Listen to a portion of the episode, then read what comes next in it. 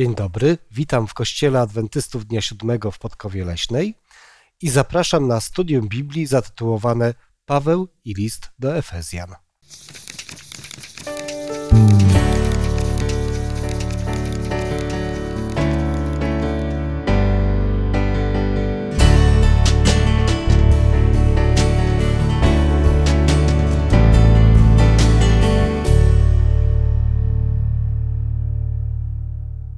Dzisiejszym studium udział wezwał Janusz, Waldemar, Zbigniew. Ja mam na imię Remigiusz. Będziemy chcieli studiować wstęp do listu do Efezjan, który będzie tematem całego sezonu. Zacznijmy nasze studium od modlitwy. Ojcze, w imieniu Pana Jezusa dziękujemy Ci za tę możliwość otwierania Twojego słowa i prosimy Cię o obecność Ducha Świętego i Twoje błogosławieństwo na to studium. Nie tylko dla nas tutaj, gdy będziemy rozmawiać o tamtych czasach i o Pawle i o Efezie, ale także pozwól tam, Panie, aby uczestnicy, którzy będą oglądać, także mogli skorzystać e, z rzeczy, które będą tutaj poruszane. Bądź obecny i pobłogosław ten czas. I Tobie niech będzie chwała. Amen. Amen. Jedną z dziedzin biblistyki jest tak zwana introdukcja do ksiąg Starego i Nowego Testamentu. Nauka ta zajmuje się opisywaniem, w jakich warunkach powstały poszczególne księgi Pisma Świętego, kto jest ich autorem. Jest to bardzo, dziedzin, bardzo mm, wartościowa i bardzo ciekawa dziedzina naukowa, dlatego że daje możliwość poznania kontekstu, w jakim powstawały księgi Pisma Świętego. Dzisiejsze studium będzie takim studium introdukcyjnym, takim studium, które da nam wstęp do listu do Efezjan, pięknego listu apostoła Pawła i zachęcam wszystkich do przeczytania całego listu, a będziemy go analizować i studiować przez cały najbliższy sezon. Ale dzisiaj porozmawiamy o tym, w jakich okolicznościach powstał ten list, w jakich e, sytuacjach powstała społeczność chrześcijańska w Efezie, aby móc lepiej zrozumieć całą treść tego listu. Przenosimy się do Efezu. A panowie, co wiecie o Efezie w czasach apostoła Pawła? Co to było za miasto? No można powiedzieć, że przede wszystkim słynęło, Efes słynął z bóstwa Artemidy. To tam funkcjonował bardzo głośny, znany e, biznes e, robienia e, figurek tejże bogini. Była niesamowicie wielka świątynia, słynna na cały rejon. I tam też było trudny teren jeszcze z jednego powodu. Tam było ogromnie rozwinięte pogaństwo, ale opierające się na e, literaturze różnych e, szamanów, czarnoksiężników, e, różnych takich czarowników. W związku z tym ludzie byli niezwykle w Efezie zagubieni co do tego, w co wierzyć, jak wierzyć, ponieważ oprócz Artemidy było mnóstwo dozwolonych innych bóstw. Mhm. Ale Artemida była tam najbardziej znana. Mhm. Tak, ale oprócz tych y, religijnych jakichś tam uzależnień i, i, i wyniku, to przede wszystkim Efes był dużym portem. I to powodowało położenie jego, to był węzeł komunikacyjny że każdy, kto wędrował, podróżował, obojętnie z północy na, na południe, czy na wschód, czy na zachód, to mu było po drodze i potrzebował tam się znaleźć. A więc y, to powodowało to, że y, rozwijało się, rozwijały się wszystkie usługi, jakie były potrzebne. Handel, nie handel, y, hotele, karczmy, zajazdy.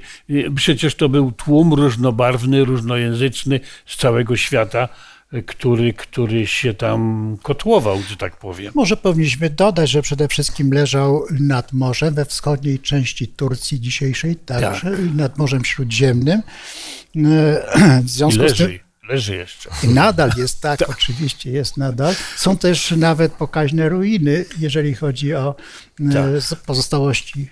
Co ciekawe, że ze świątyni tej wspaniałej nie zostało właściwie nic pusty plac wielkości boiska piłkarskiego. takiego dobrego. Równiutki, gładziutki trawka i jedna kolumna.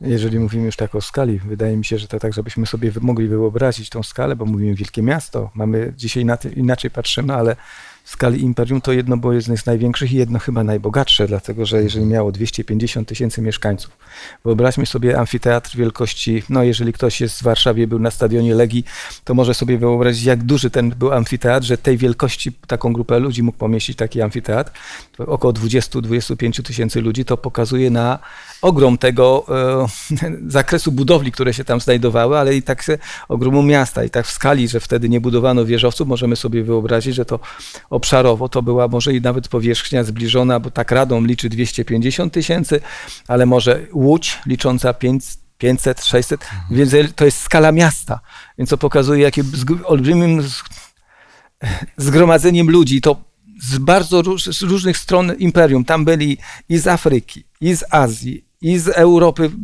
Dosłownie tam była mozaika e, różnych kultur, e, zwyczajów, więc to był taki tygiel jeśli można tak powiedzieć. Ja bym chciał jeszcze dodać jedną rzecz, ponieważ Efes odgrywa jednak ogromną e, rolę teologiczną, ponieważ w Apokalipsie, w trzecim rozdziale, zaczyna się listy do zborów od Efezu.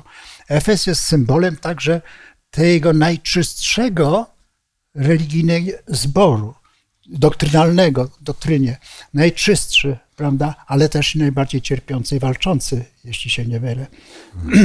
Zatem y, bardzo duża i ważna rola, więc to jest bardzo ciekawe. Oczywiście, no, mm, kontynuując y, historię, Efes był także ważnym y, miastem w historii Kościoła chrześcijańskiego, ponieważ w tym mieście odbyły się dwa sobory, które no, przyniosły mocne zmiany i teologiczne, i kultowe w Kościele, no ale to jest całkowicie inny temat.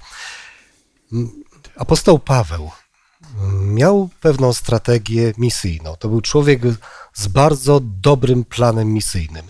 I w jego planach misyjnych było odwiedzanie największych miast Imperium Rzymskiego. Między innymi znalazł się w Efezie. Był tam podczas swojej drugiej z trzech podróży misyjnej, którą odbył. E, w wyniku tego pierwszego spotkania chrześcijanami została jakaś nieokreślona grupa osób, ale najwięcej wydarzyło się podczas jego kolejnej wizyty, e, trzeciej wizyty misyjnej, trzeciej e, podróży misyjnej Pawła. I Efes był dla niego na tyle ważnym miejscem, że postanowił spędzić tam trzy lata, co w przypadku Pawła było rzeczą nietypową. I popatrzmy teraz, co się tam wydarzyło w czasie tego pobytu. Remigiusz, chciałbym lekkie sprostowanie Aha. wprowadzić. Powiedziałeś w planach Pawła pewnym sensie masz rację, ale powiedzmy sobie szczerze, podkreśla apostoł Paweł mhm. bardzo często w swoich listach, że y, z wyroku, nie wyroku, ale z woli Pana, z mhm. woli y, Boga, z woli Ducha Świętego, jeszcze dokładniej mhm. częściej mówi o tym, on się udawał w różne miejsca. A więc to nie tak, że sobie obmyślił uh -huh. jakiś tam strategię, plan, po prostu Duch Święty mówił mu, gdzie on ma się udać i gdzie iść. Tak. Ponieważ, jak powiedział, on został posłany do pogan. Głównie to było jego główne, że tak powiem, zajęcie. Drugie, które to było chyba najważniejsze, to wyjaśnienie teologii chrześcijaństwa. No tak. Jeżeli, znaczy, bo tak przejdziemy bardzo szybko, ale wyobraźmy sobie, że Paweł w Atenach jest może miesiąc, dwa, trzy, hmm. idzie dalej. W Koryncie, do którego zostaje, zostaje wysłany, jest dwa lata. E, chodzi mi o uświadomienie sobie i nagle tej dalszej podróży, tej trzeciej, kiedy wraca do Efezu, słuchajcie, trzy lata e, pracy misyjnej e, i mamy taki fragment, który mówi, jak zabiega ze łzami w oczach, jak walczy, że to nie było tak, że to było łatwe miasto i to chrześcijaństwo, jak gdyby ono się wtedy kształtuje u tych ludzi, którzy, słuchajcie, to jest miasto, które nie składało się tak jak jeszcze może na początku w Jerozolimie z większości Żydów, którzy akceptowali pewne prawdy i wydawały im się tak naturalne. Rzeczy, które otrzymali, to były, ja powiem, nie chcę powiedzieć, ale tak świeże, tak jeszcze dopiero e, nauczane, że rozumiemy te trzy całkowicie lata nowe. całkowicie, bo to jest zupełnie nowa nauka dla ludzi, którzy wychodzą ze środowiska w większości, ja podejrzewam, pogańskiego, którzy, tak jak mówię, sam teraz może, będziemy studiować, co zrobili ci ludzie, decydując się na wybranie Chrystusa. Mhm. Dziękuję. No, sam wstęp też był niesamowity, to już tak rozszerzając troszeczkę, że Pan Bóg przygotował też grunt dla Pawła. Bo zanim Paweł znalazł się na dobre w Efezie, znalazł się tam Apollos, a na Apollosa czekali już uczniowie Jana Chrzciciela, którzy stali się chrześcijanami i byli takim, taką grupą założycielską, można powiedzieć, wspierającą Pawła w jego misji. Ale popatrzmy, co się działo w czasie misji Pawła w Efezie. Y, te wydarzenia są opisane w XIX rozdziale dziejów apostolskich. Mamy dziewiąty wiersz, który mówi o tym, że niektórzy nie dali się przekonać i trwali w uporze, mówiąc źle wobec ludu o drodze pańskiej. Zerwał z nimi, odłączył uczniów i zaczął codziennie nauczać w szkole Tyranosa. Ci niektórzy, trzeba sobie to podkreślić, to byli Żydzi. Tak. Bo apostoł Paweł, jak to miał w zwyczaju, zaczynał od synagog, od e, miejsc, gdzie spotykali się Żydzi i, i, i, i, i wszyscy, którzy mieli z tym cokolwiek wspólnego. E, Ale nie ogranicza się do tego, jednak Żydzi mieli swoje, e, swoje przyzwyczajenia, mieli zakorzenioną bardzo naukę Talmudu, która ich nie, nie pozwalała przyjąć y, tych, tych praw tak zawsze otwarcie i Paweł nie skupia się na nich do końca, ale idzie dalej, idzie tam, gdzie go chcą słuchać. Szkoła Tyranosa to prawdopodobnie była jakaś szkoła y, poganina, jakiegoś kogoś, kto nie był z Żydami związany. Czyli, tak bym to powiedział, jak y, nie pozwolą nam y, świadczyć w kościołach, to idziemy do Domu Kultury. A wydawało się, że dla Pawła takim najwdzięczniejszym a terenem, najwdzięczniejszym gruntem będą właśnie Żydzi, prawda? Ale życie niesie ze sobą paradoksy. Mamy pierwsze wydarzenie. Mhm, Mogę, proszę. bo to jest taka to też dygresyjka, ale mamy w dziejach apostolskich taką ciekawą wzmiankę w, w rozdziale 18 i tam od 19, że przybył Paweł do Efezu. Mówimy o synagodze, to jak przed chwilą, ale i choć prosili go, by pozostał z nimi dłużej, nie zgodził się. Przy pożegnaniu natomiast oznajmił, mm, chodzi mi o, i, i zostawił ich. Powiem w ten sposób, że niekiedy e, człowiek potrzebuje ułożenia pewnych rzeczy, których się dowiaduje. I Paweł robi taką bardzo ciekawą rzecz. Słuchajcie, opowiedziałem wam o Mesjaszu. Przez kilka dni rozprawiał i mówi, oni go proszą, zostań, kontynuujmy rozmowę. Nie, nie, teraz musicie to przetrawić, przemyśleć, przebadać i, i zostawia. Jest to taka metoda dosyć jakże delikatna, ale z drugiej strony pokazująca, ja słuchajcie, ja nie narzucam, ale wy musicie sami podjąć decyzję. No to jest jak z ziarnem rzuconym w ziemię, które musi mieć czas na to, żeby wykiełkować. W tej szkole Tyranosa się okazuje, że to działo się przez dwa lata. Codziennie nauczał. Ta szkoła była może o tyle lepszym miejscem, że nie mieli kompleksów nieżydzi. Tak. Bo do synagogi kto inny nie mógł wejść jak Żyd. Natomiast tutaj wszedł każdy i tutaj słyszeli o tym mieszkańcy Azji, Żydzi i Grecy, wszyscy mogli usłyszeć, bo ci wszyscy, którzy przez Efes przejeżdżali, gdzie się którzy zatrzymywali, mogli z tego skorzystać i tak to się to działo. I to powodowało, że przychodzili, odchodzili i szli z tym dalej. Mhm, To teraz popatrzmy, co się działo, bo działy się niesamowite rzeczy. A 12 wiersz 19 rozdziału, 11 i 12 relacjonuje. Niezwykłe też cuda czynił Bóg przez ręce Pawła, tak iż nawet chustki lub przepaski, które dotknęły skóry jego, zanoszono do chorych i ustępowały od nich choroby, a złe duchy wychodziły. Wyobrażacie sobie taką manifestację Bożej mocy wobec ludzi, którzy w ogóle nie znali tego Boga. Y, To było prawdopodobnie szczególna manifestacja, ponieważ jak wiemy, i już wspomniałem wcześniej, posiadali wiele różnych magicznych sposobów na leczenie, na, na, na prowadzenie życia w różnych y, aspektach, które zwykle nie działały. A tutaj przychodzi ktoś, gdzie widzą, że Słowo Boże powoduje tak niezwykłe rzeczy. Przychodzi ktoś od jakiegoś Chrystusa i on mówi i cuda się dzieją. Ludzie dotykają ich i tak dalej. To było kontrmanifestacja do tego, co tam się działo. To był tak zabobonny e, rejon, e, tak pełen różnych sformalizowanych, bo w książkach opisanych różnych sposobów e, na, na uzdrowienia i czarów różnych, że to była rzeczywiście niezwykła No, rzecz. można powiedzieć, że powtórka konfrontacji z Egiptu Tak, przy okazji plag, prawda? A z drugiej strony, popatrzcie, bo gdy przyglądamy się działalności misyjnej Pana Jezusa, tam również pojawiają się niezwykłe rzeczy, niezwykłe rzeczy, które sprawiają, że autorytet osoby, która głosi tę Ewangelię, mówi, to nie są tylko słowa, to jest konkretne działanie. Jakby Pan Bóg pokazuje, że w pewnych momentach On w taki, a nie inny sposób e, potwierdza prawdziwość słowa, które jest mówione. Bo ja mówię tak, jak w w Atenach dyskutowali, dyskutowali, tam się nic nie wydarzyło. Prawda? I no, musiał opuścić. Jak gdyby tam brakło jakiegoś elementu. Ale też musieli pewne rzeczy przemyśleć. Możemy to zobaczyć, jak pojedziemy na przykład do Częstochowy. Jest miejsce kultu religijnego i dookoła mnóstwo straganów i No to jest posążki, to jest- obrazy, książki i tak dalej. Mnóstwo rzeczy, które na ten temat. To odnoszę w tamtym momencie do Mhm. właśnie świątyni Artemidy i oczywiście całego biznesu, który wokół tej świątyni się tam złożył, więc Dobrze. możemy mieć Chciałbym, żebyśmy troszeczkę przyspieszyli tempo i będziemy musieli zaraz wyjechać z Efezu, ale zobaczyć, spojrzeć na list. Ale mimo wszystko, drugie wydarzenie to jest wydarzenie, kiedy ktoś próbuje powoływać się na Jezusa, którego głosił Paweł. To jest ciekawe, prawda? Bardzo ciekawe i nawet humorystyczne, można powiedzieć.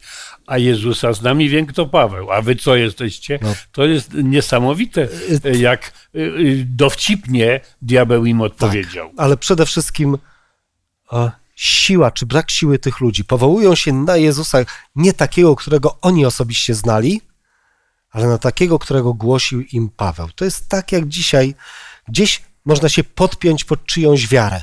Może przeczytać to. Proszę bardzo. To jest y, 19 rozdział mm, Dziejów Apostolskich, 14 e, werset. Czyniło tak siedmiu synów niejakiego Skewasa, arcykapłana żydowskiego. Zły duch odpowiedział im jednak, znam Jezusa i wiem o Pawle, lecz wy kim jesteście? Tak. Mhm. No bardzo, bardzo trafna odpowiedź. Dzisiaj też można się podpiąć pod czyjąś wiarę i traktować ją jak swoją, ale później to może przynieść takie same efekty, jak było w przypadku tych ludzi. I mamy kolejne spektakularne wydarzenie. Ale, ale, Mhm. słuchajcie, bo Janusz powiedział, o to, ktoś powiedział, że to było pełne humoru dzisiaj, ale z drugiej strony Ale końcówka nie była wesoła. ale tak? efekt jest taki, dowiedzieli się o tym wszyscy Żydzi i Grecy mieszkający w Efezie, czyli ta sprawa była Mhm. bardzo mocno nagłośniona i co się stało? I padł strach i zaczęto wywyższać imię Pana Jezusa. Wielu tych, którzy uwierzyli, przychodzili i wyznawało i ujawniało swoje praktyki. Co, co chcę przez to powiedzieć? Także okazuje się, że ktoś chce wykorzystać i nagle nie dzieje się tak, jak być powinno, czyli jakby ten schemat, który powinien zafunkcjonować, nie zadziałał, ale powoduje takie, a nie inne skutki, ale jest na tyle nagłośniony i właśnie tak nie, nie jest to obminięte na zasadzie tego, o słuchajcie, a, co się stało? Nie. Ci ludzie, to, bo to tkwi jeszcze, popatrzcie, oni naprawdę głęboko wierzyli to te działanie sił poza, ty- tych niewidocznych, bo te praktyki były tak u nich zakorzenione, że to, co spotkało tych ludzi, wpłynęło na nich, słuchajcie, to naprawdę jest moc. Tak, to prawda. To teraz popatrzmy, co się wydarzyło. Bo to było naprawdę Chciałem. bardzo spektakularne wydarzenie. Pozwólcie, że przeczytam 19, 18, 19 i 20 wiersz. Wielu też z tych, którzy uwierzyli, przychodziło, wyznawało i ujawniało uczynki swoje. A niemało z tych, którzy się oddawali czarnoksięstwu, znosiło księgi i paliło je wobec wszystkich i zliczyli ich wartość i ustalili, że wynosiła 50 tysięcy srebrnych drachm. Tak potężnie rosło, umacniało się i rozpowszechniało słowo pańskie. Przychodzili ludzie, wyznawali swoje grzechy, a później palili księgi, a które miały ogromną wartość. No to spróbujmy sobie oszacować, ile to było tych 50 tysięcy drachm. Żebyśmy mogli zobrazować to naszym widzom, jaka to była fortuna. Drachma jest znana z tego, że była to równowartość dziennego. dziennego zarobku, Tak. a srebrna drachma myślę, że to równowartość osoby takiej dobrze sytuowanej. 50 tysięcy. To jest wiele, wiele lat pracy. No, bulwersujący może się wydawać to, że palono książki. No. Y, My znamy z historii takie sytuacje, szczególnie w Europie. Y, No i to było naganne, prawda, że taki dorobek i tak dalej. Tylko trzeba sobie powiedzieć, czym były te książki, tak? I że nikt im nie kazał. To nie był nakaz jakiegoś władcy, jakiejś e, kościoła, jakiejś sekty religijnej, tylko że to było co? Spontaniczne. Ludzie postanowili stwierdzić, że to jest to śmiecie, to żadna książka, żadna wartość. Płacili mnóstwo pieniędzy.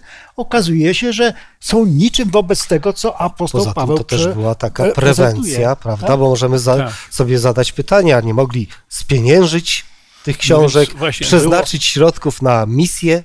Było to takie dość spektakularne, można powiedzieć, zamanifestowanie swoich poglądów i swoich postawy, bo mogliby to gdzieś opchnąć, prawda, nawet za połowę ceny i, i coś z tego wykorzystać. A na, y, to były rzeczy, które powodowały dużo złego.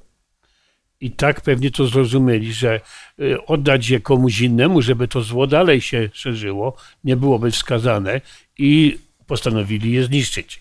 Bo wiecie, ja też pamiętam taki czas, że dzieła Lenina na przykład, żeśmy na makulaturę oddawali. Wiecie, kiedyś każde szanowane przedsiębiorstwo to miało cały komplet takich dzieł w swojej bibliotece, prawda? I potem co z tym robić, no. Jeszcze tak ładnie wydanych No przepraszam. oczywiście, także to, to na szczęście szło na makulaturę, bo palić to się bardzo nie chciało. I nie jest to wcale takie, takie łatwe ani proste. Aby, aby zrozumieć tę decyzję, muszę wam powiedzieć, że jak czytałem kiedyś na temat opracowania, jak traktowano e, tą magię i te księgi, one uczyły, jak wykorzystywać bóstwa.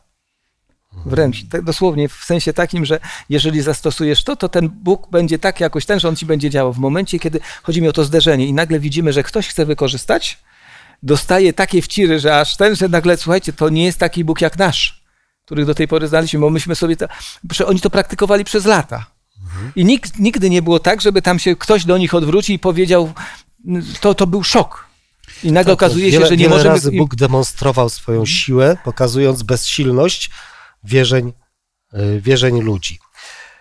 Y, Mamy tę sytuację, a no to była też taka prewencyjna, prawda? Spalenie, żeby nikt inny nie przejął tych ksiąg, nawet kupując i nie, y, nie praktykował podobnych rzeczy, jakie praktykowali ci ludzie wcześniej. Chcieli ustrzec przed podobnymi praktykami, ale mamy też reakcję, dlatego że działalność Pawła wpłynęła na ekonomię rzemieślników i wytwórców w mieście Efes. Prawdopodobnie wytwarzali y, Dewocjonalnie. dewocjonalnia, tak? Srebrne świątynki Artemidy, jak mówi 24 wiersz, które zapewniały rzemieślnikom mały, niemały zarobek. I w tym momencie zwołane jest całe społeczeństwo do amfiteatru i Paweł idzie na konfrontację wbrew obawom współpracowników z tym, że a, z tymi ludźmi. Tam odzywa się wielki krzyk. Wielka jest Artemida Efeska. Czytamy o tym, że trwało to bardzo, bardzo długo.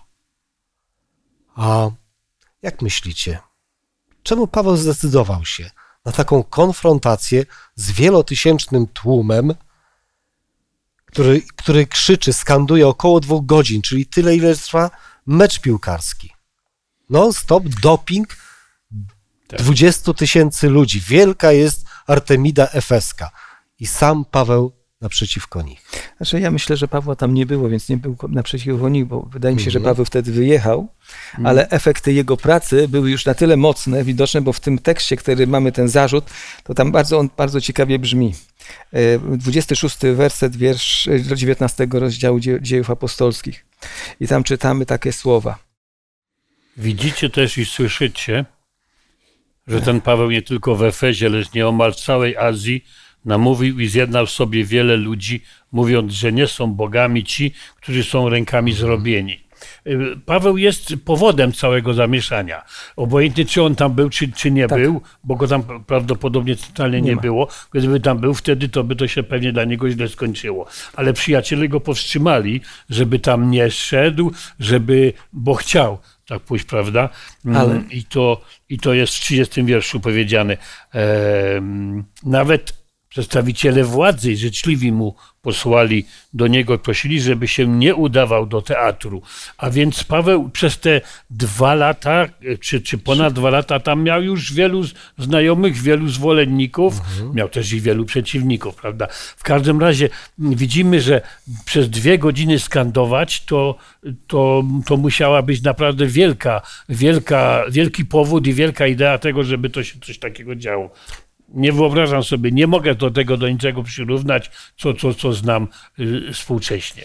Ja bym porównał, ale zmilczył.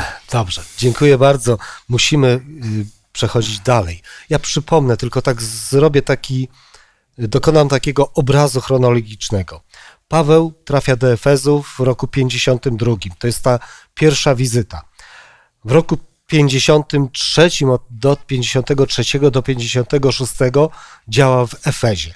Później wyjeżdża z Efezu, a wraca w roku 58, 57 i jest, spotyka się ze starszymi zborów w Efezie.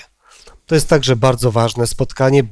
Wiele ważnych treści wypowiedział apostoł Paweł, między innymi y, treści wyrażające troskę o przyszłość Kościoła, ale ja chciałbym zwrócić uwagę z tego spotkania na inną wypowiedź Pawła. Ona znajduje się w 20 rozdziale Dziejów Apostolskich, 35 wierszu. W tym wszystkim pokazałem wam, że tak pracując należy wspierać słabych i pamiętać na słowa Pana Jezusa, który sam powiedział: Bardziej błogosławioną rzeczą jest dawać, aniżeli brać. No kilka ciekawych rzeczy. Po pierwsze, Paweł dawał przykład. Po drugie, to jest ciekawe, że powołuje się ta słowa Pana Jezusa, których nie ma w żadnej Ewangelii. Ale to też jest taka ciekawostka biblistyczna. Ale co sądzicie o takiej postawie, którą nauczał Pan Jezus, którą przejął Paweł? Bardziej błogosławioną rzeczą, więcej jest szczęścia, mówiąc inaczej, w dawaniu niż w braniu. No, prawda jest złożona, dlatego że ci, którzy y, docze, doznają może w ten sposób takiej reformy swojego charakteru, że kochają ludzi, bo to jest niecodzienna w końcu przypadłość, żeby kochać wszystkich ludzi. Pan Jezus kochał wszystkich ludzi i dla wszystkich przygotował łaskę. Ale ci, którzy idą drogą Chrystusa, zmieniają swój charakter i wówczas dostrzegają, że jest lepiej, że szczęśliwszym jest się, gdy się nie jest egoistycznym, tylko daje się innym, że dzieli się z Ale innymi. bierze się nie z egoizmu, tylko z biedy. Ci, którzy są zmuszeni brać, to są na ogół ci, którzy nie mają. A czasami z chciwości i bogactwa. No ale to już jest zupełnie wy, wypaczenie, ale y, rozumiem to w ten sposób, że dają ci, którzy mają, albo którzy chcą dawać, a ci, którzy biorą, to dlatego biorą, że nie mają, że są w biedzie, w nędzy i po prostu nie mają innego wyjścia. Y, Ale to dawanie jest dobre, ponieważ ono daje szczęście. Dający, który jest nawrócony, Tak jest. ma ten charakter Chrystusowy, Tak daje mu to satysfakcję życia, szczęście. Ja słyszę często w telewizji, którzy oferują, są e, chętni e, pomagać i oni mówią, że są szczęśliwi, kiedy dają. no tak, tak, tak, oczywiście, Bardziej bo może szczęśliwi niż ci, którym potrzeba nawet, dać. nawet jeżeli niewiele mają, Tak. I na ogół tacy najchętniej dawają, którzy nie za dużo mają. Drodzy, prawda? dwa, moglibyśmy mówić o tym bardzo długo, ale warto sobie wziąć te słowa do serca. Paweł napisał list do Efezjan w roku 62, kiedy był w areszcie domowym w Rzymie.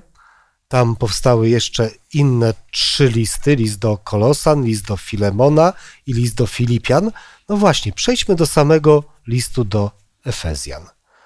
Tak patrząc na treść tego listu, tak z lotu ptaka, e, przywołując Waszą znajomość tej księgi, jaki jest najważniejszy temat tego listu?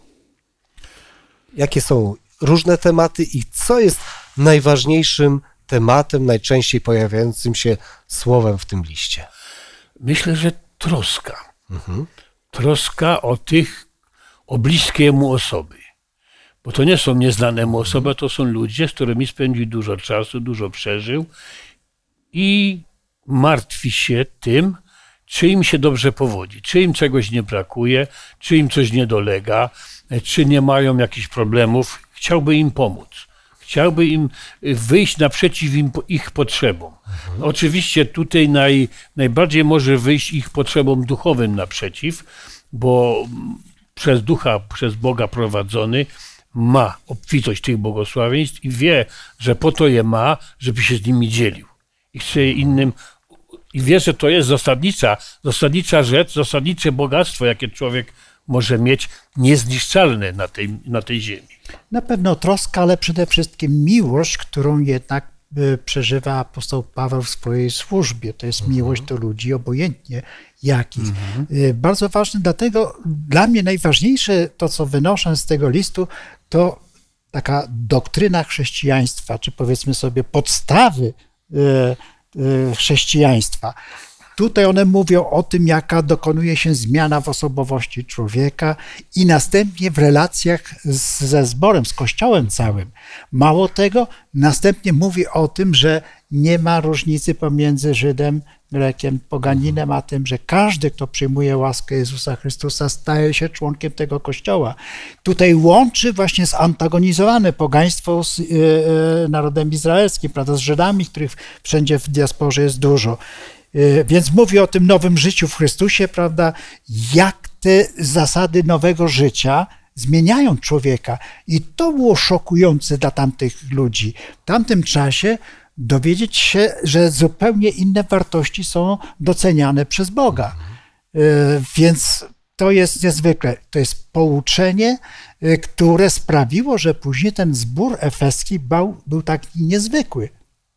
To, to jest moim zdaniem taka podstawa, na której się budowali. Zresztą tylko nie oni. Później wiemy, że ten list e, efeski był czytany w innych zborach jak najbardziej, ale z całą pewnością na Efezjanach, e, na chrześcijanach efeskich zrobił ogromne wrażenie. Cały list jest takim swoistym traktatem wyjaśniającym e, znaczenie i wewnętrznego, struktury kościoła. To znaczy, nie mam mhm. na myśli jakiegoś porządku, że tylko ułożenie, dlaczego o tym mówię? Dlatego, że wyobraźcie sobie, przychodzą tam Żydzi z całą swoją tradycją, przychodzą poganie z całą swoją tradycją, jak te to, to połączyć, jak ma to funkcjonować. I Paweł tam dokonuje pewnej przepięknej analizy, mówi, na jakiej podstawie to wszystko się dzieje, jaka jest rola Chrystusa, kim jest. Tam wspomina jest o stworzeniu. Później jest mowa o odkupieniu. Później jest mowa o tym, że tworzy jedność, tak jak pragnieniem Boga było, żeby był, budowana jest jak gdyby nowa, jakby nowa jednostka społeczna, która funkcjonuje na zupełnie innych zasadach niż Żydzi funkcjonowali, niż poganie. Powstaje zupełnie inne środowisko, w którym ludzie się mają rozwijać. E, I tym środowiskiem jest Kościół, który, do którego wkładane są te nowe idee, które zaszczepił Pan Jezus i chciał, żeby były realizowane. No te relacje takie jak niewolnicy mają być poddani Y, i słuchać się panów swoich. Ale panowie zobowiązani są, władcy tak. ich, prawda, też do opieki, do starań o nich. Tak?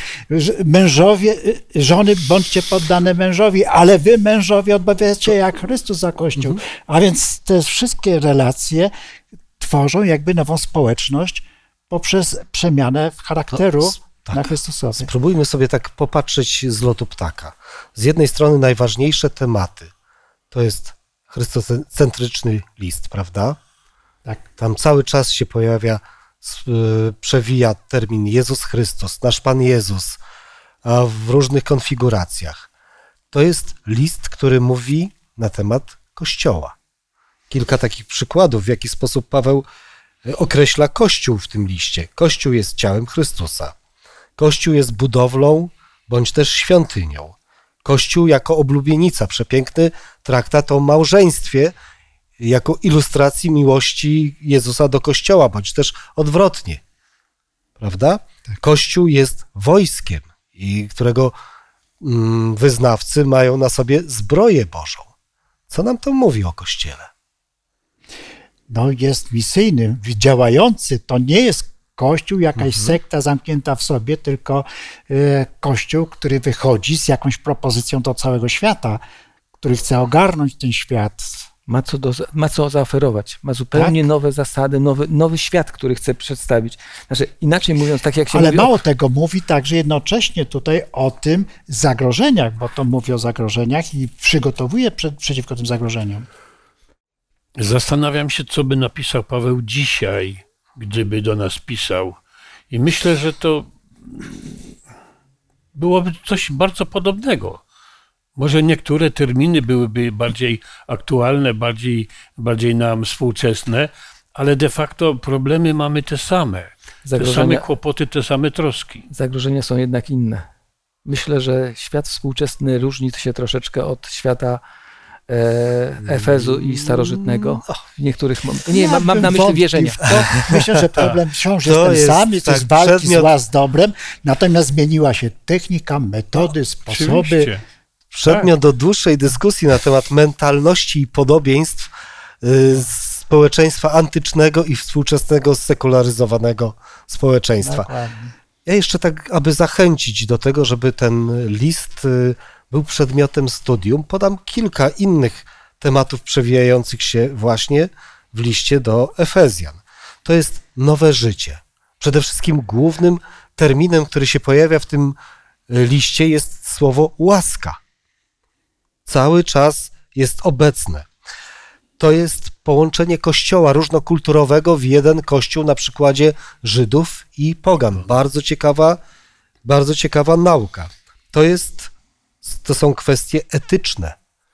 Czwarty rozdział listu do Efezjan to jest y, cały kodeks etyczny zachowania chrześcijanina. Piąty rozdział, przepiękne nauczanie na temat małżeństwa i kościoła na przykładzie relacji Jezusa i, a, i właśnie kościoła. No i szósty rozdział, także bardzo znany, zbroja Boża, więc ten list naprawdę warto czytać, warto go poznawać. Nie wiem, czy znacie takie osoby, które mają taką metodę czytania książek, aby ją poznać. Czytają wstęp, a później spis treści. I, I mniej więcej wiedzą o co chodzi. Spróbujmy tej metody. Zapraszam do otworzenia pierwszego rozdziału, pierwszych dwóch wierszy i spróbujmy wyłapać z tych dwóch wierszy, jaka była największa potrzeba duchowa Efezjan. No bo to się zazwyczaj w starożytności w pozdrowieniach pisano o największych potrzebach tych ludzi. Poproszę o przeczytanie. Paweł z woli Boga, apostoł Chrystusa Jezusa do świętych mieszkających w Efezie, wiernych w Chrystusie Jezusie, niech łaska i pokój, który, których źródłem jest Bóg, nasz Ojciec oraz Pan Jezus Chrystus, będą waszym udziałem. Co było potrzebą Efezjan? Łaska i pokój. Łaska i pokój. Ale chciałbym odnieść, bo na pewno napisał coś dla nas na dzisiaj. O walce pokoleń słyszymy od kilkudziesięciu lat. Popatrzcie, dzieci, bądźcie posłuszne w Panu waszym rodzicom, bo jest to sprawiedliwe. No tak. Czci swego ojca i matkę to jest pierwsze przykazanie z obietnicą, aby ci się dobrze powodziło, abyś długo żył na ziemi. Ale czwartym wersecie szóstego rozdziału, a wy, ojcowie, nie doprowadzajcie do gniewu waszych dzieci, lecz wychowujcie je w karności i nauce No, To jest Pana. też bardzo ciekawy temat i temu będzie poświęcone osobne studium. Łaska i pokój. No tak się zastanawiam, jaka jest potrzeba współczesnych ludzi. Czy nie jest taką samą potrzebą? Czy nie potrzeba nam pokoju wewnętrznego i zewnętrznego? Czy nie potrzeba nam łaski, od której jesteśmy całkowicie uzależnieni? Jeżeli chodzi o nasz kraj, to bardzo tego potrzebujemy. Mhm. Jesteśmy skłóconym narodem w tej chwili bardzo i jakoś tego pokoju nie możemy doznać ani wewnętrznego, ani zewnętrznego. Tak, i zobaczcie, jak się kończy też ten list. Pokój niech będzie braciom i miłość wraz z wiarą od Boga Ojca i Pana Jezusa Chrystusa. Łaska niechaj będzie ze wszystkimi, którzy miłują Pana naszego Jezusa Chrystusa miłością niezniszczalną. List zaczyna się tymi samymi życzeniami Tak. i kończy się tymi samymi życzeniami. I to jest nasza potrzeba. Chyba można byłoby pomyśleć, że może to są takie grzecznościowe zwroty, które na ogół dajemy, nie zastanawiając się nad tym, ale myślę, że apostoł Paweł pisał to, co czuł i to, o czym był przekonany, że nie dawał się ponieść żadnej modzie ani zwyczajom. Tak. Ja mam takie jeszcze pewne odczucie i wrażenie, że każdy, kto posiada w domu Pismo Święte, może powinien zacząć czytać właśnie od listu Efezjan. Mhm. Przeczytać ten list Efezjan, bo tu jest cały y, y, jest nim wszystko. tych wszystkich spraw. Jest nim wszystko, tak. Tak, tak, tak to mhm. jest potrzebne. To jest bardzo dobre zakończenie naszego dzisiejszego studium, drodzy. Zapraszam Was do czytania listu do Efezjan. Zapraszam Was do czytania całej Biblii, ale w najbliższym czasie zachęcałbym do skupienia się na liście do Efezjan. Nasze najbliższe studium będzie zatytułowane Wielki Chrystocentryczny Plan Zbawienia. Będzie oparte na pierwszym rozdziale listu do Efezjan od 3 do 14 wiersza i zapraszam Was do uważnego przeczytania tego fragmentu listu do Efezjan, żeby uczestniczyć za tydzień w naszej audycji, już jako przygotowanymi i być może podjąć z uczestnikami dialog przez monitor komputera, ale przede wszystkim będzie łączyło nas Słowo Boże. Zapraszam za, na studium za tydzień, a dzisiejsze studium zakończmy modlitwą. Boże, dziękujemy Tobie za Twojego Ducha Świętego, że możemy otwierać Twoje Słowo, czytać je i rozumieć, że możemy transponować tę wiedzę w nasze serca i umysły i stawać się innymi ludźmi. Bardzo byśmy chcieli wzorem Efezjan przekonać się do tego, że kochanie ludzi, służenie mądrością Bożą, która płynie z Twojego słowa, daje wielkie, ważne owoce przede wszystkim w naszym życiu. Spokój, radość z łaski, którą nam udzielasz. Prosimy Cię, Boże, pobłogosław nam, abyśmy wszyscy zechcieli skorzystać z tego niezwykłego cudu, jakim jest Twoje słowo, spełniające się na nas faktycznie, które czyni nas innymi nowymi ludźmi. Sprawa, by każdy, kto jest uczestnikiem tej wiedzy, dokonał, doznał tej niezwykłej radości przemiany wewnętrznej. W imieniu Jezusa Chrystusa za te dobrodziejstwa dziękujemy. Amen.